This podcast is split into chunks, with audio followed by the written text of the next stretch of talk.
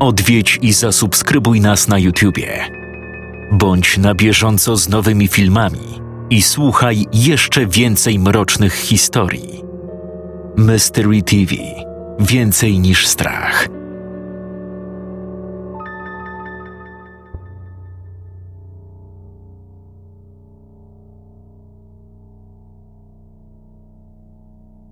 Wyobraź sobie życie, które nigdy nie musiałoby się skończyć. Pomyśl o tych wszystkich rzeczach, które mógłbyś zrobić i zobaczyć. O wszystkim, czego mógłbyś się nauczyć. Brzmi całkiem nieźle, prawda? Tak, pewnie właśnie tak uważasz. Wszyscy twierdzą, że wieczne życie byłoby czymś wspaniałym dopóki nie doświadczą go na własnej skórze. Na szczęście prawie każdy, kto stąpa po tej ziemi, przejdzie przez żywot bez zakłóceń, znajdując swój początek w szpitalu i kończąc na pogrzebie. Każdy będzie prowadził idealnie linearne życie, ciesząc się młodością, zakochując się i żyjąc u boku małżonka, by wreszcie, w wieku około osiemdziesięciu lat, odejść. O, co ja bym dał właśnie za taki żywot? Moje życie zaczęło się zmieniać, gdy miałem dziewiętnaście lat. Od dziewięciu byłem w szczęśliwym związku z moją dziewczyną, Daną, którą wkrótce miałem poślubić.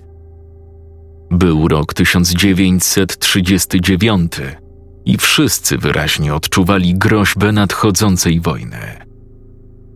Obawiając się najgorszego, oświadczyłem się.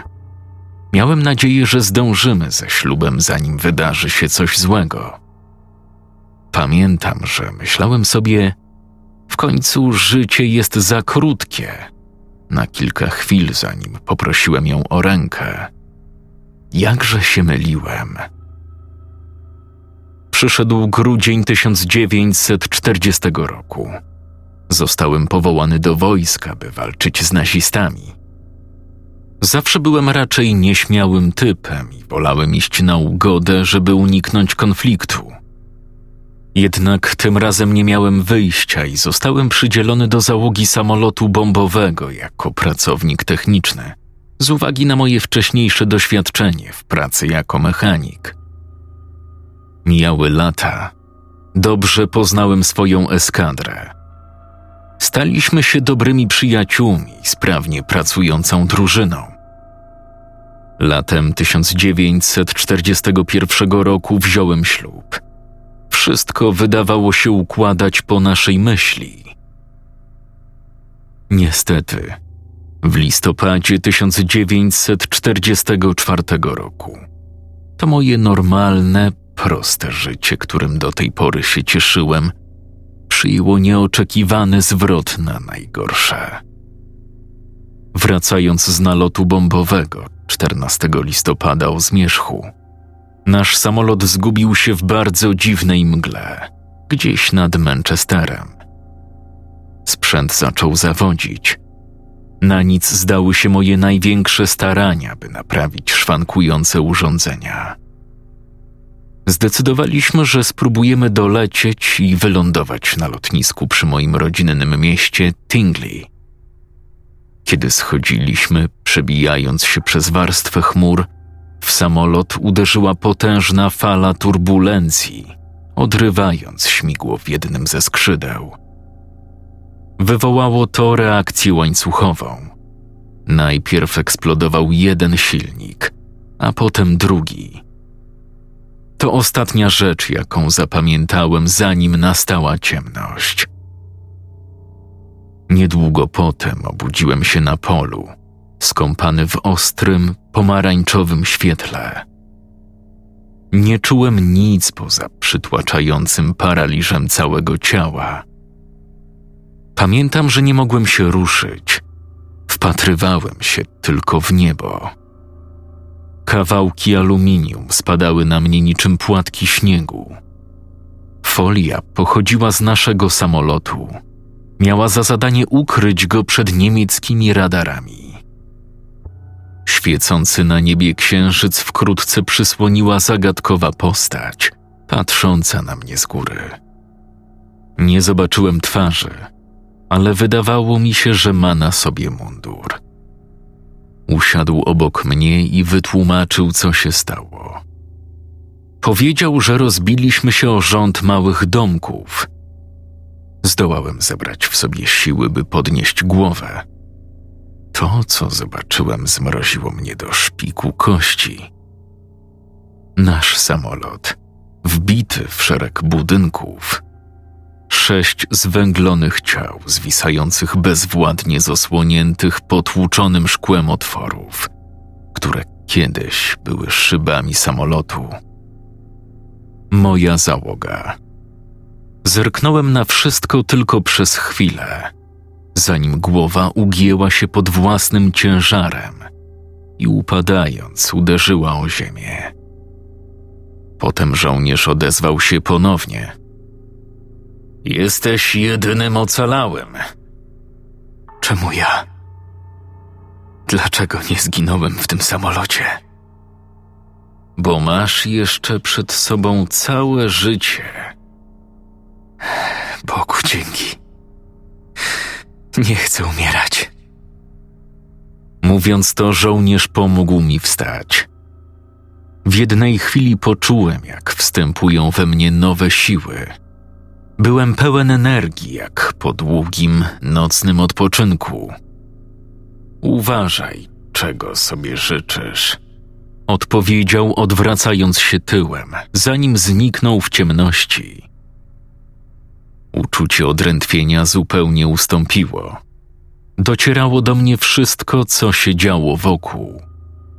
Płomienie trawiące wrak samolotu, kłębowiska dławiącego dymu białe, gorące skrawki folii aluminiowej i popiół, opadające na zimną, listopadową ziemię jak świeże płatki śniegu.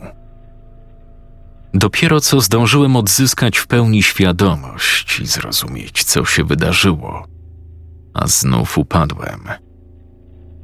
Kiedy tym razem otworzyłem oczy, nastał już dzień. Otaczała mnie duża grupa zszokowanych mieszkańców – Udało mi się podnieść i wtedy, niespodziewanie, objęły mnie ramiona mojej żony. Jej mocny uścisk pozbawił mnie całego powietrza w płucach. Boże, myślałam, że zginąłeś. Krzyknęła, kiedy próbowaliśmy razem wstać. Ach, jestem cały, kochanie. Na szczęście wszystko ze mną w porządku. Jednak nie wszystko było w porządku. Po prostu byłem za młody i głupi, żeby zdać sobie z tego sprawę. Lata mijały. Wszystko wyglądało normalnie. Żona urodziła mi dwójkę zdrowych dzieci: chłopca imieniem Kenneth i dziewczynkę Annabel Lee. Po wojnie oboje znaleźliśmy pracę. Ja zatrudniłem się w fabryce, a moja żona pracowała w supermarkecie.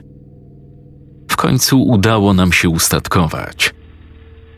Gdy dzieci opuściły dom, przenieśliśmy się do starego pubu w Wali, który został przekształcony w budynek mieszkalny. Anabel miała piękną córeczkę, która była prawdziwą dumą swojego dziadka. Kenneth pracował jako biolog, służąc w Marine – Dopiero dobiegając siedemdziesiątki zorientowałem się, że dzieje się coś nie do końca normalnego. Zacząłem miewać powtarzający się sen, w którym znów byłem w tamtym miejscu, feralnej nocy 1944 roku. Tylko, że we śnie nie budziłem się na polu. W moim śnie Pozostawałem na pokładzie samolotu, w pełni zachowując świadomość podczas spadania. Na własne oczy widziałem, jak ginie cała załoga, kiedy samolot uderzał w rząd budynków. Widziałem, jak płomienie pochłaniają ich ciała jedno po drugim, spychając ich pod ściany i przez okna. Ten sen wracał do mnie trzy razy w tygodniu i w końcu przestał wywoływać tak traumatyczne przeżycia jak na początku. Jednak za każdym razem jeden mały szczegół nie dawał mi spokoju. Zawsze widziałem, jak na pokładzie samolotu ginie siedmiu członków załogi. W nocy, kiedy rozbił się samolot, było ze mną sześciu kolegów, nie siedmiu. Po jakimś czasie zdołałem uważnie przyjrzeć się każdemu członkowi załogi z mojego snu. Udało mi się rozpoznać sześciu z nich, poza jednym. Na jego twarz zawsze padał cień. Był to żołnierz, którego spotkałem w polu tuż po katastrofie. Po pewnym czasie nauczyłem się nie zwracać już uwagi na stare wspomnienia. Sporo rzeczy zatarło się w pamięci wraz z wiekiem. Uznałem, że wszystkie wydarzenia z tamtej nocy pomieszały mi się w głowie, tworząc ten dziwny sen, który ciągle się pojawiał. Jednak nie zamęczałem się już dłużej obecnością dodatkowego żołnierza na pokładzie. Życie dalej płynęło normalnie. Jeszcze przez dziesięć lat. Potem przyszła noc, która wszystko zmieniła. Obudziły mnie odgłosy ciężkiego oddechu. To była moja żona. Umierała. Wyskoczyłem z łóżka tak szybko, jak pozwoliło mi moje starzejące się ciało i zadzwoniłem na pogotowie. Powiedziano mi, że karetka wkrótce przyjedzie. Żyliśmy jednak przy małej uliczce na odludziu, więc pomoc nie dotarła na czas. Po przybyciu ratownicy stwierdzili zgon mojej żony. To była najgorsza noc w moim życiu. Siedziałem przy niej w karetce, kiedy wieźli ciało do szpitala na sekcję zwłok. Pamiętam, jak trzymałem jej zimną, pozbawioną życia dłoń, wycierając łzy w jednej z jej swetrów, który na siebie zarzuciłem. Powiedziano mi, żebym po sekcji opuścił szpital. Jakiś mężczyzna, którego wyraźnie rozczuliła moja strata, zaoferował mi odwiezienie do domu. Wysadził mnie pod samymi drzwiami. Wtoczyłem się do środka. Położyłem się w naszym pustym łóżku i szlochałem, póki nie zasnąłem. Sen, który mi się przyśnił, zburzył cały spokój, który zdołałem odnaleźć w ciągu ostatnich dziesięciu lat. Siedziałem sam w szpitalnej poczekalni, tak jak tego wieczoru. Nagle z końca korytarza usłyszałem odgłosy kroków. To był ten sam żołnierz bez twarzy. Zajął miejsce przy mnie i zaczął mówić. Jego głos się nie zmienił. Brzmiał dokładnie tak samo jak w tamtym polu wiele lat temu. Uważaj, czego sobie życzysz. Powtórzył raz jeszcze. Obudziłem się przestraszony.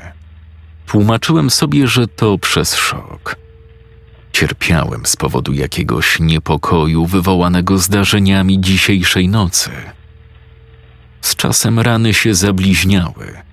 Smutek zaczął blednąć. Pocieszałem się tym, jakie wspaniałe życie miała moja żona. Jej rzeczy powoli ubywało z naszego domu. Oddawałem je do sklepów charytatywnych i na stoiska z używanymi rzeczami na straganach, kiedy skończyłem już dziewięćdziesiąt lat. Nigdy więcej się nie zakochałem. Nie byłoby to możliwe po tym, jak moja dusza doświadczyła spotkania kogoś tak idealnie doskonałego jak ona.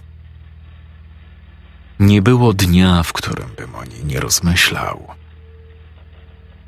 W dniu moich dziewięćdziesiątych piątych urodzin moje życie kolejny raz zostało wywrócone do góry nogami. Aż do tej pory mogłem cieszyć się względnym spokojem.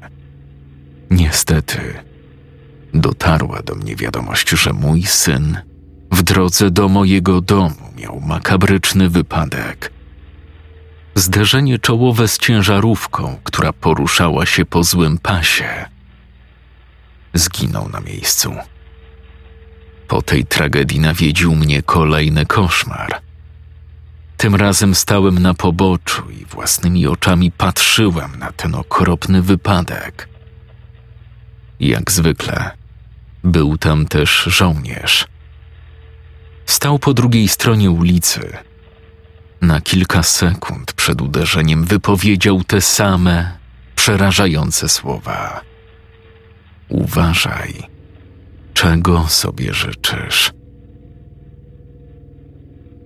Zacząłem głęboko zastanawiać się nad znaczeniem tego przesłania. Wszystkie nieszczęścia zdarzyły się zbyt wiele razy, żeby uznać to za przypadek.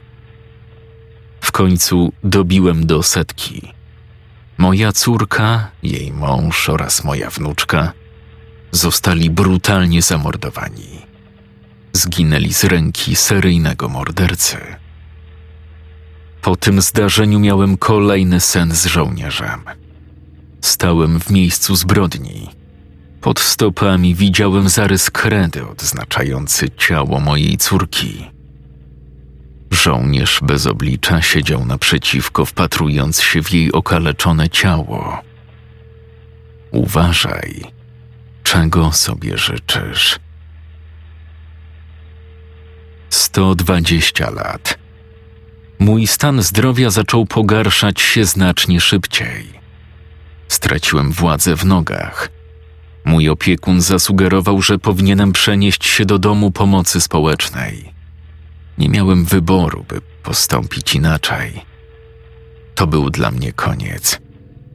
Całe dnie leżałem w łóżku, przysypiając i budząc się na zmianę. Oczywiście we śnie coraz częściej odwiedzał mnie żołnierz. Co prawda treść snów była teraz bardziej uproszczona, zapewne przez słabo pracujący umysł, ale niezmiennie pojawiały się te same cztery słowa. Uważaj, czego sobie życzysz. Opowiadałem o tym pielęgniarkom, ale podawały mi tylko coraz to inne pigułki, a ja starzałem się dalej, nie umierając. 130 lat. Nerki przestały pracować. Podłączono mnie pod dializy. Zostałem sam w pokoju. Widywałem innych ludzi tylko wtedy, gdy przynosili mi jedzenie. Większość czasu upływała mi na spaniu. W kółko śniłem o tym samym żołnierzu i jego słowach. 150 lat. Dom pomocy, w którym mieszkałem, przestał istnieć i zostałem przeniesiony do innego. Przerażające sny ciągle się pojawiały. I tak docieramy do teraźniejszości. Dożyłem dwustu lat. Myślę, że wreszcie zrozumiałem znaczenie słów żołnierza. Spadło na mnie przekleństwo nieśmiertelności. Będę tylko rozkładał się przez wieczność, lecz to się nigdy nie skończy. Moje ręce zostaną niedługo całkiem wyniszczone przez artretyzm i dlatego ostatkiem sił zdecydowałem się zapisać moją opowieść ku przestrodze. Jeżeli kiedykolwiek dostaniesz szansę, by żyć wiecznie, odrzuć ją. Jeśli kiedykolwiek spotkasz tego żołnierza, zrób wszystko, co w Twojej mocy, by mu uciec. Jeżeli Cię odnajdzie, życie, które znasz, całkowicie się zmieni, bo obawiam się, że nigdy się nie skończy. Dlatego uważaj, czego sobie życzysz.